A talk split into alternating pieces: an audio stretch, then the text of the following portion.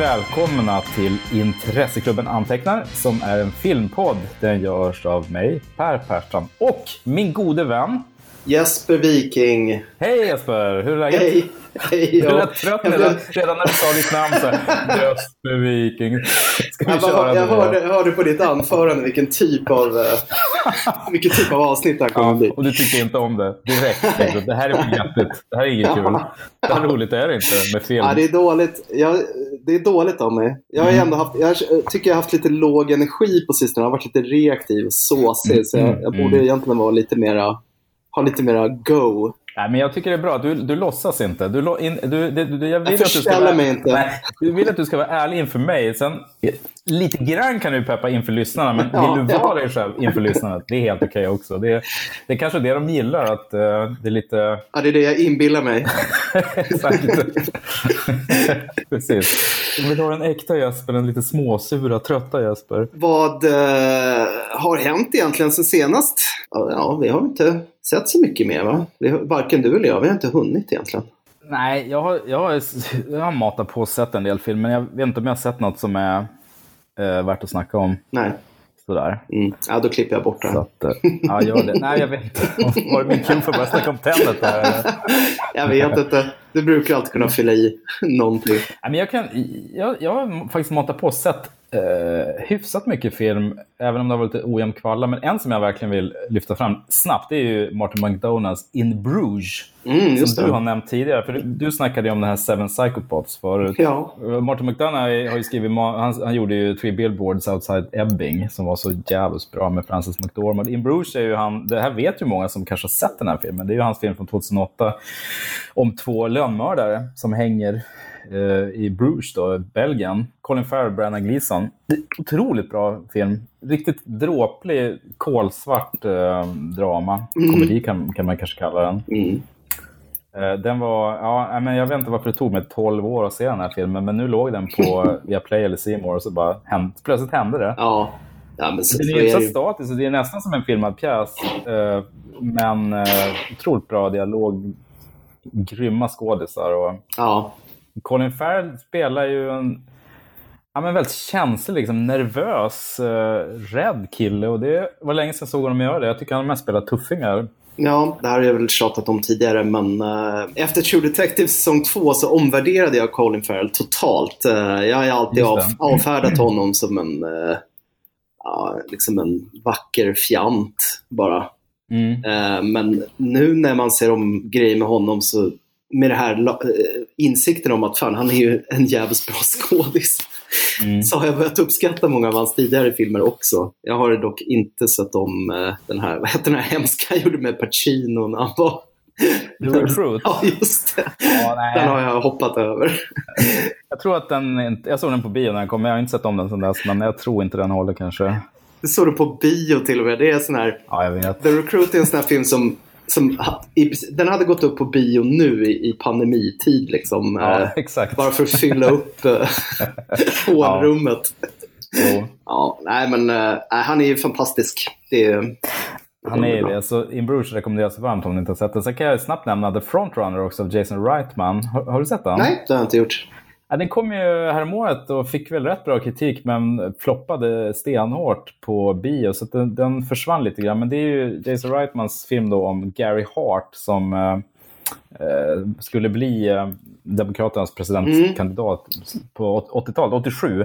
Men sen så hade han lite kvinnotrassel som tidningarna hakade upp på. Så det handlar väldigt mycket om dels hur media bara nosade upp det och så handlar det lite om det här när, när journalistiken förvandlades till mer tabloidaktig skvallerjournalistik. För tidigare var det någon slags gentleman's agreement att man skrev inte om politiker som höll på att vänsterprassla. Nej. Det var ju liksom män som skyddade män också givetvis. Det var ju, så var det ju. Men det, här, det var här det började så att säga. Mm. Eh, och den fick väl, ja men jag tror att den fick lite kritik för att den var ytlig och inte gick in på skandalen. Men tar man det för vad det är, det är väldigt så välregisserat drama med jättemycket kalasskådisar. Det är ju otroliga alla presidentens män-vibbar också eftersom man, det handlar delvis om Washington Post och Ben Bradley är med och det är liksom, Hugh Jackman är jättebra som Gary Hart men sen har du Vera Farmiga, J.K. Simmons, Alfred Molina. Det är väldigt, väldigt bra liksom, birolls fest. Ja. Kevin Pollack, finns en massa Ja. olika. Så, Mm. ja, men så här, jävligt gediget drama. För, för, tycker man om liksom journalistromantik och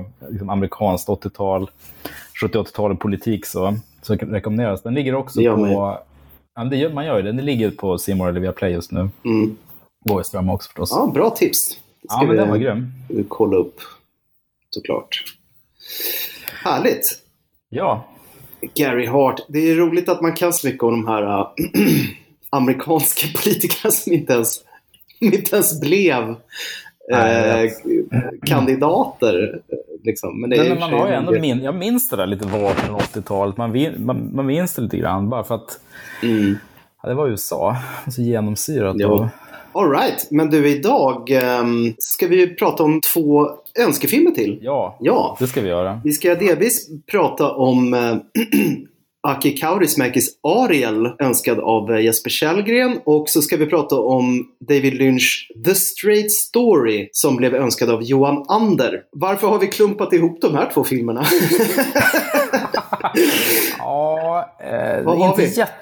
Alltså, Det är två autörer i alla fall med, Ja. med väldigt tydliga berättarröster. det kan man säga. Och de har ju lite samma så här, lakoniska, tablåartade Mm. sätt att berätta. Båda är förtjusta i, i, i typer, liksom, väldigt så karaktäristiska skådisar. Med, ja, men lite som Bröderna Coen också, med lite säregna utseenden. Båda jobbar ju med ganska minimalistisk dialog och eh, långa scener. Och, Ja. ja, men det, det finns en del liksom, estetiska beröringspunkter. Sen handlingen... Man kan ju säga att Ariel börjar som en... Hela Straight Story är en road movie. Mm. Ariel börjar lite som en road movie innan den eh, stannar liksom i Helsingfors. Ja, alltså The Straight Story är en väldigt vemodig film. Ja. Eh, och Kaurismäki är ju på något sätt det latenta vemodets mästare. Alltså det präglar ju alla hans filmer egentligen. Mm. Ja, men verkligen. Eh, Så att där finns det ju beröringspunkter också. Jag håller med om att Ariel, det är ju inte en road movie, men den känns som en road movie, även fast Mm. den bara är i Helsingfors. Men jag tänker, ska vi börja med att prata om Ariel då? Ja, men det gör vi. Det här är väl, ja vad blir det? Den andra delen var i hans proletariat-trilogi. Ja, men precis. Skuggor i paradiset är den första då, och den sista är eh, Flickan från tändsticksfabriken. Mm. Och jag minns att jag såg väldigt mycket Kaurismäki när de kom. Och eh, Flickan från tändsticksfabriken är nog, jag har inte sett om den, men det, jag har länge rankat den som liksom en av de bästa filmer jag har sett. Den är, Ja. den är makalös. Men Ariel tror jag faktiskt inte jag hade sett. Jag hade loggat den på Letterboxd med några random betyg, men jag tror bara tro, trodde. Fusk, den här såg Linnare, jag väl. fusk! Ja, Jag vet, jag vet. Allt för att få fler filmer. Helt skamlöst. Ja. Men det var... eh, Kaurismäki har ju... Hade du frågat mig mm, så hade jag sagt att det inte är en av hans mest kända filmer, för många av de andra är ju är det mer snack om. Men jag kan ha fel och han har ju själv sagt att han, det här är hans bästa film, enligt hans eget tycke. Liksom. Alltså är det så? Ja, det står det på internet i alla fall att han har sagt det. Då är det sant. Källan på Wikipedia var en YouTube-klipp som jag inte orkar kolla på. Det, det, Det är bra, vanligt. bra research. Ja. grundligt som alltid. Vetting. Men ja, det kan vara så i alla fall. Nej men visst, jag menar, varje gång jag ser en Kaurismäki-film så, så undrar jag varför ser jag inte mer Kaurismäki? Ja, Man visst. blir så förälskad på nytt varenda gång. Han är en sån jävla... Han är en sann humanist verkligen. Han har ju som, sånt genomgående tema av men, altruism, eh, godhetsgärningar i vardagen. Och, alltså han är ju Mm. väldigt så här, eh, vad ska man säga, hans filmer präglas ju väldigt mycket av hopp. Det är ju hoppfulla filmer. Mitt i all dystra miljöer så finns det ändå alltid en väldigt romantisk, stark romantisk Ja. ådra. Eh, utan att någonsin bli smetig. Ja, men precis. För även om han skildrar människor, liksom ofta arbetarklass, då, som har ganska mörka framtidsutsikter och som kan vara ganska låsta i, i sina jobb och i sina liv, så, så andas de alltid ja, men någon slags kärlek till livet. Och de, de, de, eh, de har ju alltid ett driv, de här människorna. De, de fortsätter ju leva, Ja. de fortsätter drömma. Eh, Fast eh, det, som du säger, det ser ganska mörkt ut. Så att, Ja. är- Dessa Jobs prövningar som de ja, utsätts precis. för.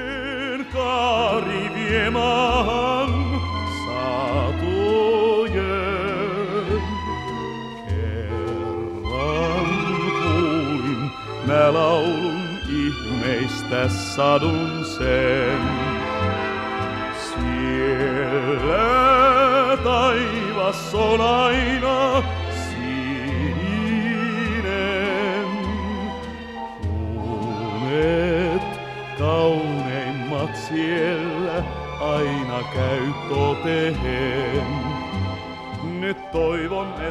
Filmen handlar om gruvarbetaren Taisto Kasurinans försök att börja ett nytt liv efter att en gruva där han arbetat lagts ner.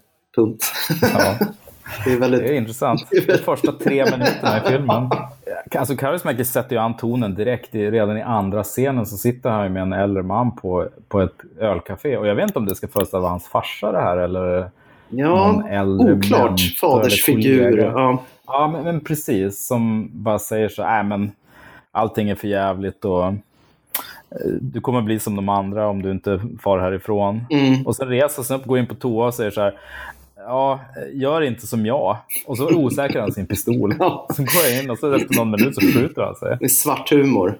Ja, det är verkligen svart. Det, är också, det präglar också alltid Kaurismäki. Just, jag tänker att, att han har så pass många humoristiska inslag. Det är ju mycket sight gags generellt Mm. i hans filmer och, och, och många såna här roliga repliker som är deadpan levererade. Och Jag undrar om inte Mm. Det, undrar om det har liksom skadat hans ställning i uh, auteur-universumet i relation till andra. För Om man, om man inte hade ägnat sig så mycket åt det, om, om man hade blivit liksom lika jag menar, upphöjd som Dardenne-bröderna eller Loach eller...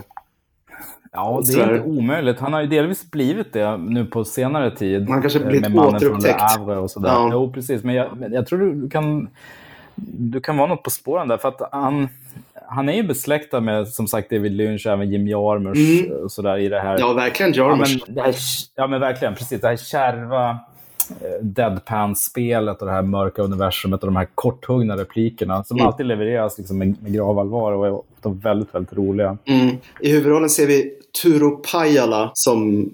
Hans karriär spårade väl ur lite efter den här har jag förstått. Han, han Mm. gjorde inte så jävla mycket men han är ju helt fantastisk i huvudrollen som Ja. den här Taisto, en, en eh, naiv landsortsknegare som eh, bara rycker på axlarna åt det mesta. Han har så otroligt fin utstrålning, en sån karisma, Mm. Pajala. Han är, han är som en så här, någon sorts perfekt blandning mellan Nick Cave och Bruno Gans. Mm. ja, men väldigt bra beskrivet. Han går, han går ju runt med långa ben, liksom jeans, skinnjacka, långt hår. Mm. Eh, och han är ju både jävligt obrydd och samtidigt väldigt naiv. För han, han låter sig ofta luras han blir bestulen. Och han, han tänker inte riktigt framåt hela tiden, utan han är ganska impulsiv också. Ja. Han inser ju rätt fort när han kommer till Helsingfors att eh, en dags hederligt arbete är inte värt eh, ruttet lingon i den här Nej, hänsynslösa storstaden. Så jag menar, under filmens gång så blir han ju transformerad eh, till liksom en, en slipad gangster kan man säga. Det är så Mm. kul att se hur han liksom sakta men säkert får så lite coolare och coolare kläder på Mm. sig också. Han ser helt annorlunda ut i sista Mm. akten jämfört med den första. Ja, men precis. I början har han ju det här hemska plåstret när han blir nedslagen av några rånare också, som sitter så jättefult bak på bakhuvudet. Ja, klumpigt. Liksom. Ja, precis. Och han hänger med de här arbetarna på ungkarlshotellet. Och de är också inne i någon cykel där de kvitterar ut sin lilla lön och sen sätter de sig och dricker koff och lyssnar på finsk tango och liksom super upp pengar i stort sett. Och sen är jobbar man igen då nästa dag. Mm. Det dricks mycket koff i den här filmen. Ja. ja men jag såg, han tackar ju Sine Koff-bryggerierna i eftertexterna så jag tror de fick lite spons där. Ja. Den, den absolut första, inte riktigt första bilden, men interiör, första interiörbilden på det här fiket, då, då står en uttråkad eh, barmatrona framför de här backarna med koff, med stor pall så här. Mm. Jag kommer att tänka på Dovas då, de körde ju alltid med de här, de hade ju alltid backar Det var visserligen Mariestad då, Mm. Här i Stockholm, men de hade, jag tror de hade koff också, det, det är ju det man dricker när man är i Finland. ja, och det är också typiskt Kaurismäki, de här de eviga pilsnercaféerna och de här Mm. billiga lunchhaken. Det är som den värld han alltid målar upp i sina filmer. Det är en så konstig tankebild av Finland som är förankrad i 50-talet på något sätt. Mm. Mm. och, och även eh, ja, men de antihjältar som rör sig i den världen. Det är ju Mm, liksom inte, det är inte magisk realism, det är någon sorts poetisk realism. Den är, det är jättefint. Alltså. Jo, men precis. Även om den utspelar sig i filmen samtidigt som är liksom eh, 1987 så... Det är ju bara Cadillacs eh, och, och um, rockabilly-musik. Ja, och, exakt. Det skulle kunna vara 50-talet lika gärna, eller Mm. 40-talet. Och, och filmen är ju i mångt och mycket en noir, en film noir också, så den är Ja. väldigt rotad i, i, den, i det amerikanska liksom 30, 40, 50-talet på ett jävligt coolt och liksom, snyggt stiliserat sätt. När han kommer till storstan så träffar han ju en, en kvinna, lapplisan, Ja, precis. som ska bötfälla honom och han eh, försöker slingra sig ur eh, genom att bjuda ut henne på en dejt. Mm. Vilket funkar. skulle vara kul att höra om någon någonsin har lyckats med den manövern. Men Nej, det är underbart. Hon är så less på sitt jobb så hon bara... Ja. Hon, hon tittar på sitt block i två sekunder så bara... Ja. Äh, det var en löjlig hatt ändå. Slänger hon ifrån sig. Ja. Slänger blocket och sen drar de iväg bara. de har en underbar um, postcoitus-konversation där i sängen efteråt när hon Ja. De, ja, de ställer lite rudimentära frågor om varandra. Hon är så här, du jag måste eh, upp och jobba tidigt så jag kommer gå och lägga mig nu. Eh, Kommer du, kommer du höra av dig igen? Nej, men vi ska vara ihop nu. För alltid. Hon bara, ja vad skönt. Ja. Du kan... Han säger det helt uttryckslöst också, bara röka på sin cigg. Det, är bara- det är bara ett faktum, så nu är det så här. Ja. Bra. Så blir han Det är du och jag nu. hennes pojke också. Ja. Ja, är, så enkelt är det. Hon, hon heter Susanna Havisto och hon Mm. är ju jävligt bra också. Jätte... Och apropå arbetarklass-trilogin så hon har ju två, tre jobb för att kunna försörja sig och Mm. sin son då. Som mest sitter hemma och eh, dricker läsk och läser serietidningar, den här pojken. Mm. Han är ju, Alltså, sjö- vilket vilket uh, zen-buddhistisk munk den här lilla pojken är. Han är så, så otroligt eh, lugn och accepterande inför allting. Mm. Ja, Självständig. precis. Ja, precis. Han har ju liksom blivit van att klara sig själv. Han är jättefint när han bjuder honom på frukost där. Mm. Mammas nya kille. Så Mm, ska få kaffe och en, och en knäckebrödmacka. Ja, det är så fint. Och eh, Taisto tar så mycket smör också på, på Ja, mackan. Fint. man får passa på.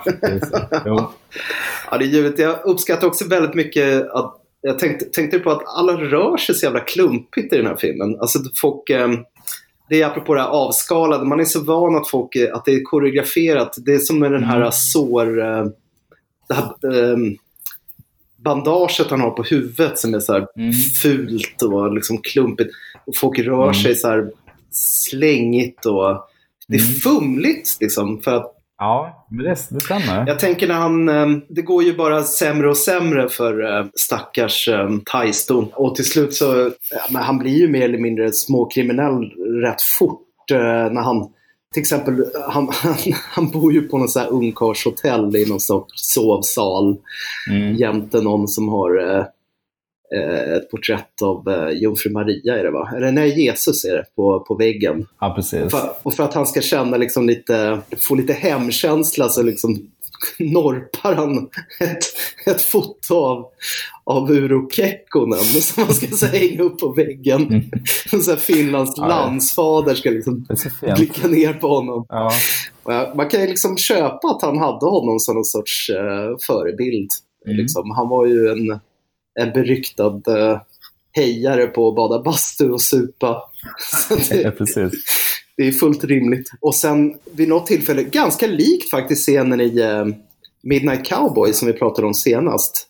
Eh, när, han, när han ser sin eh, rånare när han sitter på något café Ja, det. genom fönstret. Och de, in, de känner igen varandra. Och det är då han, han blir utsatt för nästa snöplighet i storstaden. Det vill säga att han, han ska ge tillbaka och kanske få tillbaka sina pengar från den här Mm. rånaren. Och blir direkt haffad av uh, Bylingen.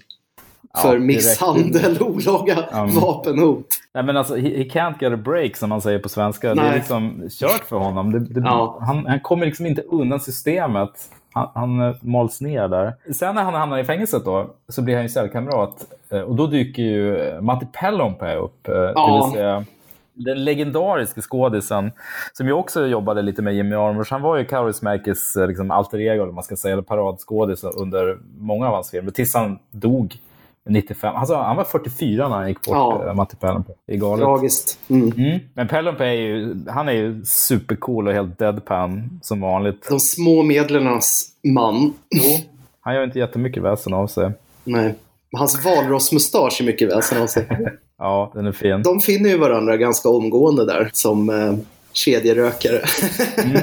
Jo, de sitter tysta och röker tillsammans. Och Pellonpää, han har ju åtta år kvar, så att han har ju liksom mer eller mindre gett upp hoppet. Han har ju funderat på att rymma mycket, men han, har liksom, han pallar inte. Men eh, Taisto har ju inte tid att sitta där. Han, han, han vill ju iväg, han vill ju rymma. Pallon Pats figur är väl mera liksom en sorts eh, offer för systemet. Man förstår Mm. att han har ju varit brottsling eh, hela sitt liv egentligen. Precis. För övrigt väldigt eh, Paddingtons, hela den här fängelsevistelsen.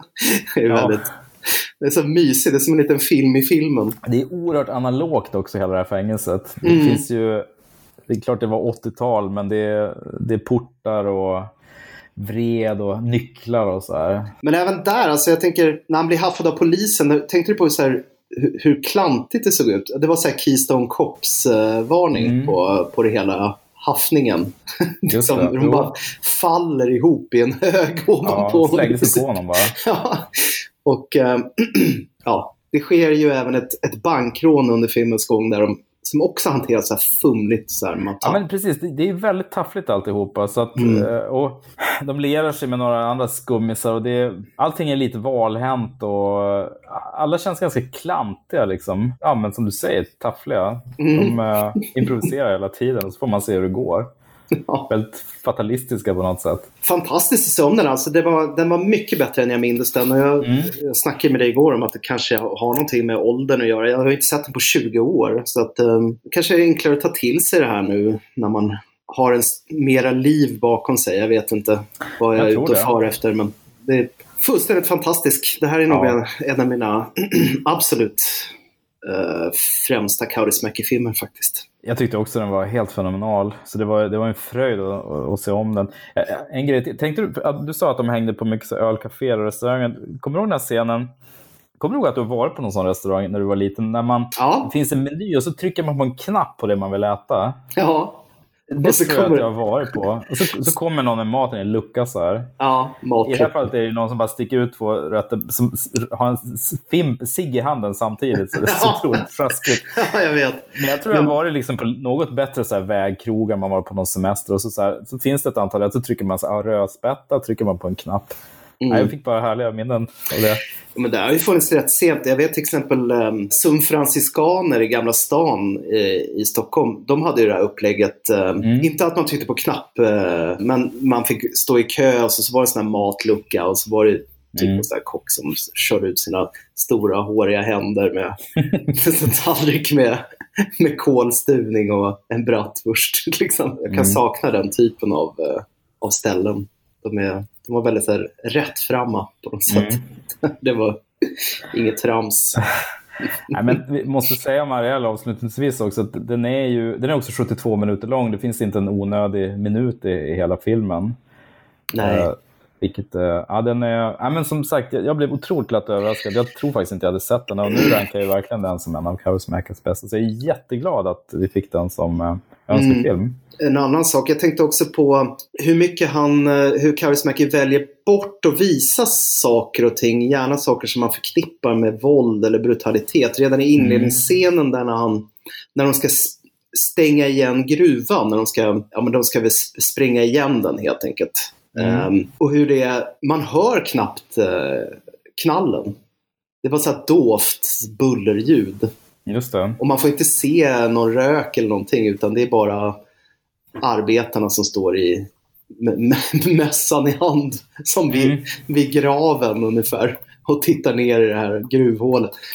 Och eh, generellt genom filmen, jag menar, någon blir knivhuggen och då, man får inte se det utan man ser bara personens hand som släpper någonting som de greppade. Alltså det är väldigt, eh, han klipper hela tiden bort och, och, och skildrar en, en detaljanknytning till våldsdådet på ett sätt som Mm. jag uppskattar väldigt mycket. Det är ett fint Mm. sätt att skildra de här sakerna.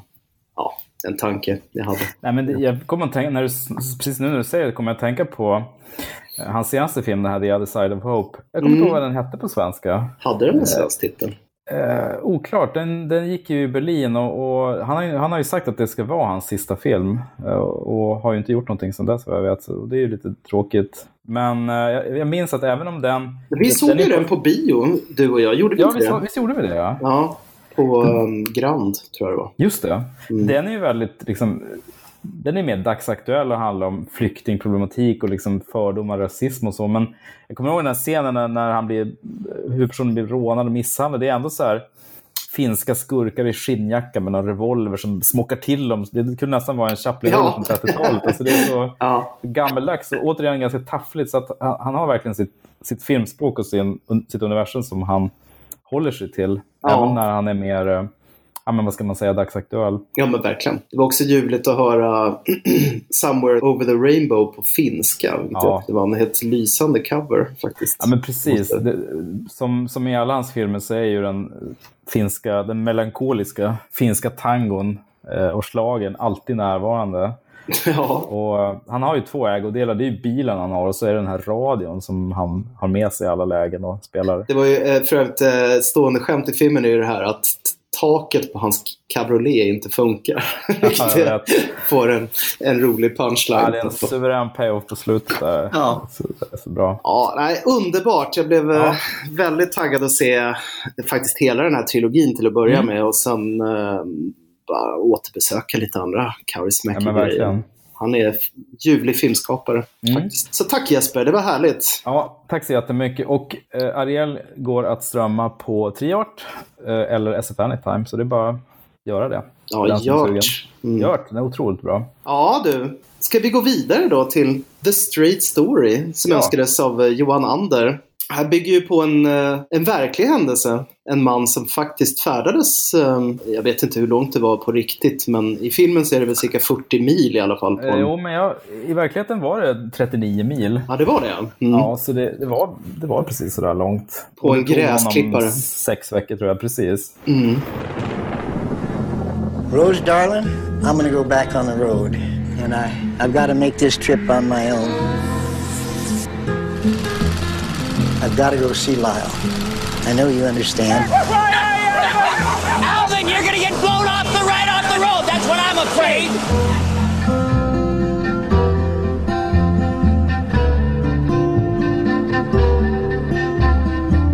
Mount Zion, Wisconsin?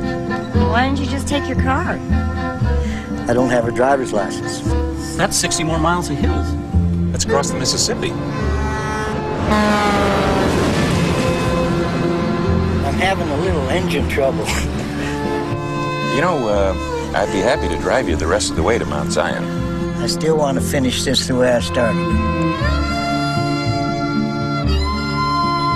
And this trip is a hard swallow for my pride. I just hope I'm not too late. You've got two brothers that haven't spoken in ten years. I want to make peace. I want to sit with him, look up at the stars, like we used to do so long ago. Brother's a brother. Den 73-årige Alvin Strait får reda på att hans bror har fått en hjärnblödning och bestämmer sig för att åka och hälsa på honom. Alvin bekymrar sig dock över ett gammalt bråk dem emellan, men samtidigt vet han att det här kan bli hans sista chans att få se sin bror i livet. En annan sak som bekymrar Alvin är att han har stora problem att gå samt har för dålig syn för att få köra bil. Alvin bestämmer sig för att åka de 50 milen till sin bror på sin åkgräsklippare. Så snacka om high concept-film. Det här är ju en sån film som går att pitcha med en kort mening bara. Den här filmen hade jag inte sett förut och, Nej, inte jag heller faktiskt. och jag vet inte vad... Trots eh, tjat eh, från eh, tillförlitliga källor. Så... Ja, samma här. Men jag var fast i det. Så, nej, men, det här är inte David Lynch-stämning. Och hur kan det här... jag kan det här vara lika bra som hans andra filmer? Och, det tänk, alltså, till Och och ändå så är det det. Det är ju en, det en är ju det. urtypisk Lynch-film faktiskt. Ja, i allra högsta grad. Snabbt flika in, liksom, det första man ser är ju Walt Disney Pictures presents a David Lynch movie. Och det Ja. känns så otroligt förvirrande. Det här är som två olika världar som möts. Ja, jo men verkligen. Men jag kan förstå att han, eh, att han valde att göra den här ändå. Mm. För jag menar, det, vi- jag vet inte om du minns, men efter han gjorde Lost Highway där, den kom väl 97, ja det var väl ett par år innan då. Mm. Så var det ju lite av en backlash kring David Lynch, att folk var lite så här, tyckte att han var förutsägbar och Ja, att, att alla hans filmer var likadana. Och, och det, det måste ju ha varit lite kittlande för honom att ta sig an en sån här uh, Mm. genuint uh, hygglig och, och väldigt rättfram historia. Mm, ja men verkligen. Det finns, det, den är helt våldsbefriad, det finns inga identitetsskiften, det, det finns inget mörker. Och det är klart det finns mörker, Jo. men det finns inte en ondska om man ska säga. Nej. Eh, ja, precis. Men, men det vi också måste säga att det här är i mångt och mycket Mary Sweeneys film. Ja, exakt. Och det får man nog säga att jag inte riktigt hade koll på. Men Mary Sweeney som var ett kort tag gift med David Lynch, men de var väl både kreativa och, och liksom personliga partners under lång tid. Hon har ju varit klippare åt honom på de flesta filmerna. Mm. Hon har ju både skrivit manus då, tillsammans med en annan snubbe och eh, producerat och klippt eh, The Straight Story. Så det är ju... Och det var, jag tror det är första och enda gången som han inte själv har varit med i liksom, manusarbetet. Nej. Men precis som du säger, i, i berättandet och i, i liksom, estetiken så är det ju väldigt mycket en David Lynch-film. Och det känner man redan di- direkt. Liksom. Det känns nästan som Blue Velvet med hans förkärlek för att filma liksom, Suburbia i långa tagningar. Ja, alltså öppningsscenen är ju som en spegelbild av Blue Velvet. Mm, Den här långsamma inzoomningen på menar, vita hus och Precis. grön gräsmatta. Och, och det är det som jag tycker gör filmen, alltså han är ju, han retas ju lite med publiken. Alltså det känns ju som att när, det när som helst kan slå över i obehagligheter. Mm. Hans berättarspråk har ju blivit kodat så pass att man Mm. förväntar sig att det ska hända något. Nu ska vi få se den mörka baksidan av den här äh, Precis. till synes oskyldiga fasaden. Men, men Mm. eh, det inträffar ju aldrig riktigt. Utan det är liksom som att nej, det är, så här är det Mm. helt enkelt.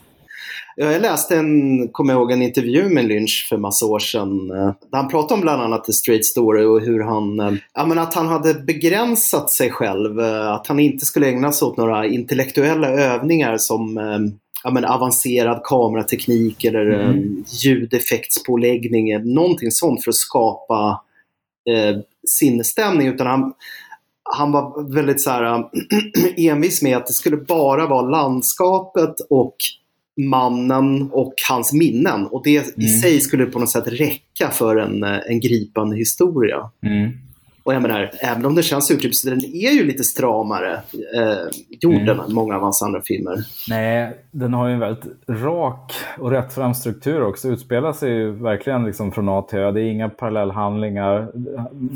När han berättar om sina minnen så är det inga inklipp utan allting sker här och nu. Och man får bara återberätta liksom vad han har varit med om. Och sen är ju hela filmen såklart upphängd på Richard Farnsworth som Mm. eh, skådespelare som hade pensionerat sig vid det här laget vad jag har förstått. Precis. Och han var ju han var en sån här gammal slitvarg i Hollywood. Sen, han var ju med i Ben Hur. Och så här, han har ju varit Han var med ett bra tag. Han var stuntman i många år innan han Ja. gick över att bli skådis. Ja, och breakade aldrig riktigt. eh, Blev, blev liksom inget namn. Vilken fantastisk... eh, Vilket naket skådespeleri.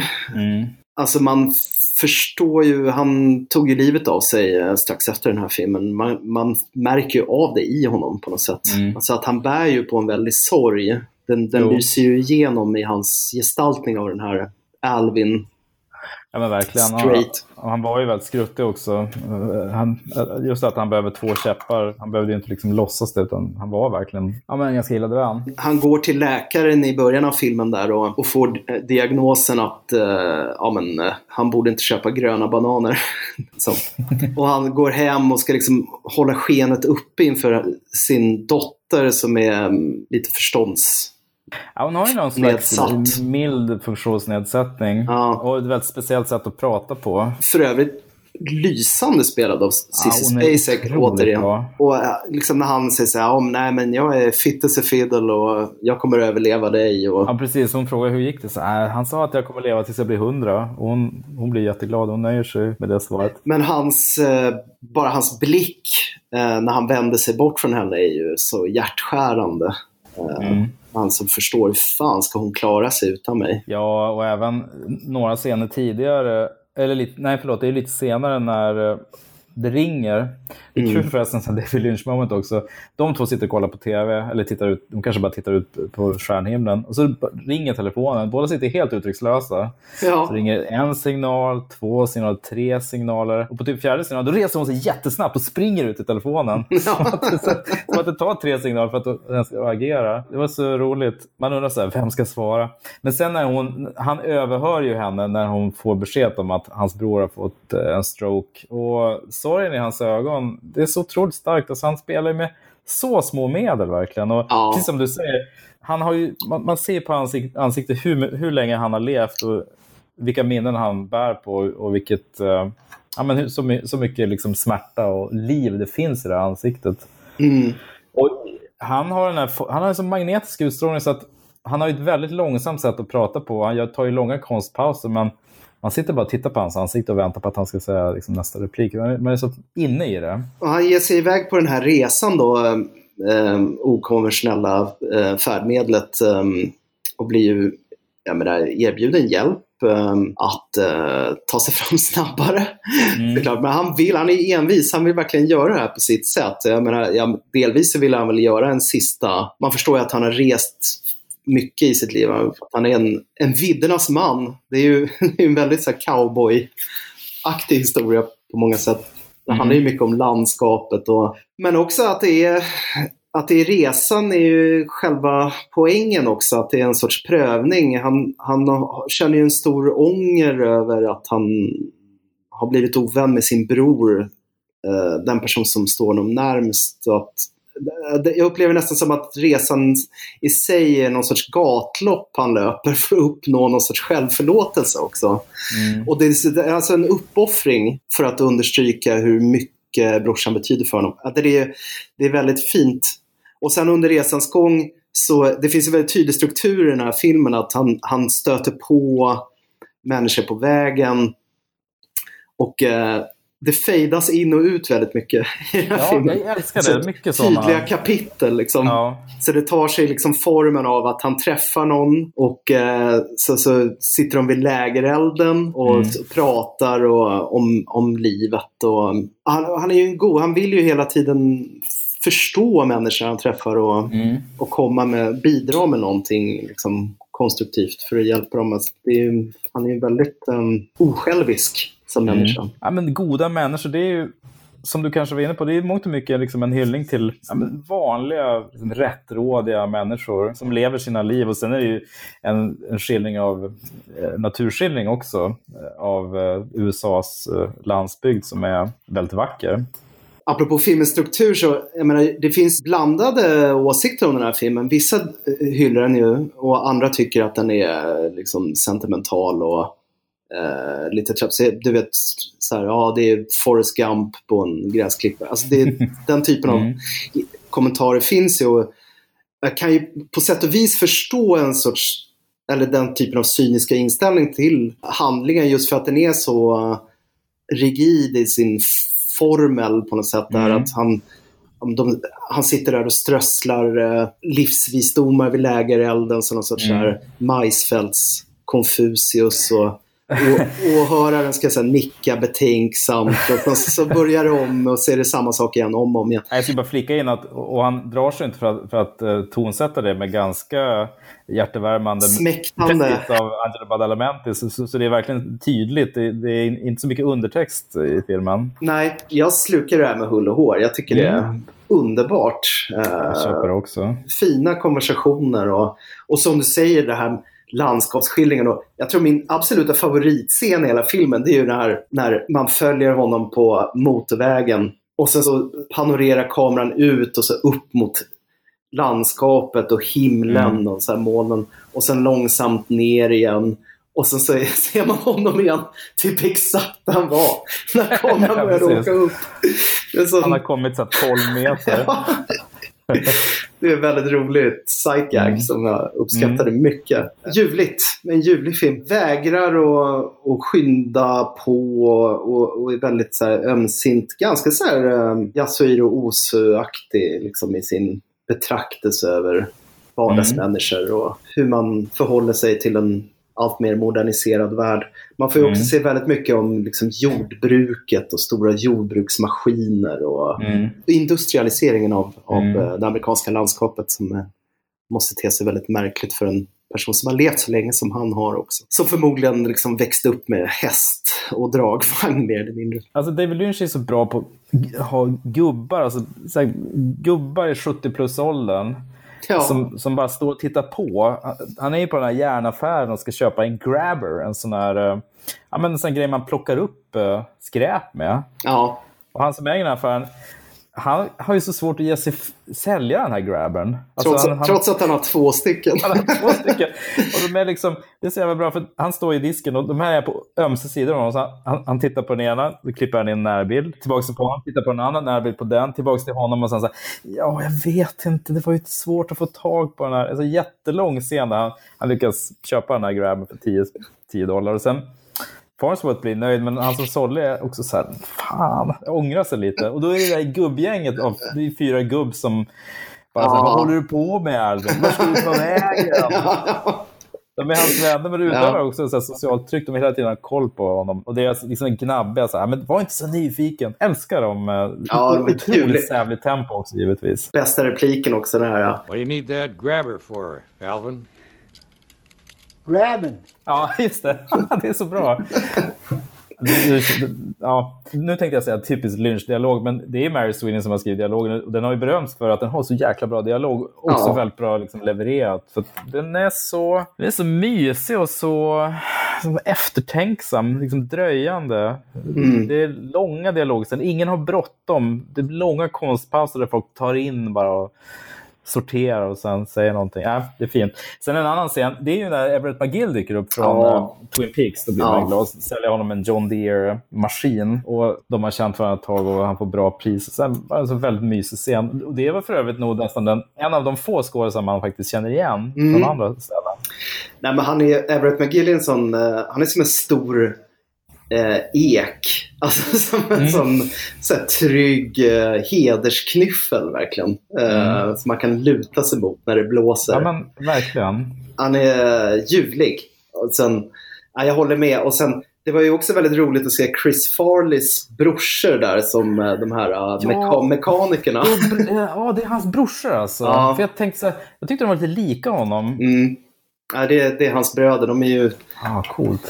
inte fullt så namnkunniga skådisar och Nej. komiker båda två. Eh, De spelar då The Twins, två mekaniker som träter med varandra hela tiden. Och, The han- Olsen Twins dessutom, vilket Just var det. väldigt roligt. Ja, de heter The Olsen Twins. Ja, det är jättebra. Mm. Ehm, för Farnsworth får ju reda på att ja, men det kommer kosta 250 dollar. Han säger så här, ja, hälften är väl rimligare. Och sen när han väl ska prata med dem så lyckas han på ett väldigt skickligt sätt pruta ner det här, deras arvode. Mm. Och sen levererar han också lite, eh, i, ja, men han berättar lite om hur viktigt det är att ha en bror så de får en tankeställare. Men otroligt bra scen. De, de är så jävla roliga de två brorsorna också. Nej, men det, är, det är en ganska kul... Kände du till den här korven förresten? Braunschweiger? Nej, inte till namn, men jag känner igen produkten. Det är väl någon sorts le- leverko- pressad leverkorv av något Ja, slag. det verkar ju vidrigt. Men det är liksom, hans diet är ju så här... Cissi Spacek går till affären och köper en jävla massa Braunschweig. Och jag gillar den här tjejen som är... Ja, oh, Wisconsin, det är party state. Så blir missförstånd så här, Ska du ha fest? Nej, jag trodde du skulle ha fest. Så, så det ena spåret så här... Fan, det är jätteäckligt med Braunschweiger. Och Ja. tjejen i affären bara... Ja, det är ganska äckligt. så himla bra. Det är kul att det flera gånger omnämns Wisconsin som en partystat. det är återkommande. det är väl inte det det första händer. man tänker på, men det är, Nej. allting är relativt. Ja, I men precis. Sen tycker jag det är en jättefin scen i baren när eh, Farnsworth möter, eller Alvin möter en annan eh, gammal gubbe. Och båda är ju veteraner från andra världskriget. Så de delar med sig av sina Ja, det är där otroligt smärtsamma... Ja, det är otroligt mörkt. Och Mm. man förstår att ja, men det här som många veteraner vittnar om, att det går inte att prata med någon annan än någon som faktiskt har varit där om hur det var. Nej, Eh, och det kan räcka kanske att de bara pratar, berättar sina historier så, så är det otroligt värdefullt för dem. det är den generationens version av eh, gruppterapi. Ja, sitta sitta i baren och, och halsa en öl. Liksom. Ja, så mycket bearbetning det blir. Ja, och sen får, tycker jag ändå man måste ju nämna Harry Dean Stanton som Ja. eh, är med väldigt kort men gör ett otroligt starkt intryck givetvis. Ja, Som han är, han är- gudabenådad skådis. Han är fantastisk och det är en jättefin scen med honom. Nej, det var underbart att se den och jag skäms faktiskt att jag inte har sett den förrän nu. Jag med. Det gör jag. Jag, jag skäms över det. Jag skäms över att jag kan ha sagt så här, att jag kan ha avfärdat den. Äh, det är- det här är ingen riktig, det här är ingen äkta David Lynch-film. Nej, beställningsverk. Eh, Skit. Ja, nej, jag skäms. Vet du att jag, jag, gav det, här- jag gav det här en femma på Letterboxd. Ja, det är, det är bra jag jobbat. tyckte den var så otroligt rörande och fin och vacker på alla sätt. Och det, så stort tack till Johan för att, vi, att, att du önskade den här filmen. Ja, stort tack återigen. Det var faktiskt två kalasfilmer på raken. Så jag, Mm. blev, ehm, jag fick upp, ehm, fick upp peppen igen. Jag blev ta- taggad att se en massa film nu. eh, Mm. Tack vare de här två. Ehm, det, var, det var ljuvligt. Det Det är en behövdes. fin eh, dramatisk båge på hela den här podden. Det börjar liksom att du är trött på Ja. allting. Sen nu sen är du... Jag är på skitgott humör. Ja. Jag är så jävla glad och nöjd med livet. Ja. Ja. Nej, stort tack till er båda. Och eh, ja, då ska vi återkomma snarast. Ja men verkligen. Stay tuned, Ja, som man säger. som du säger.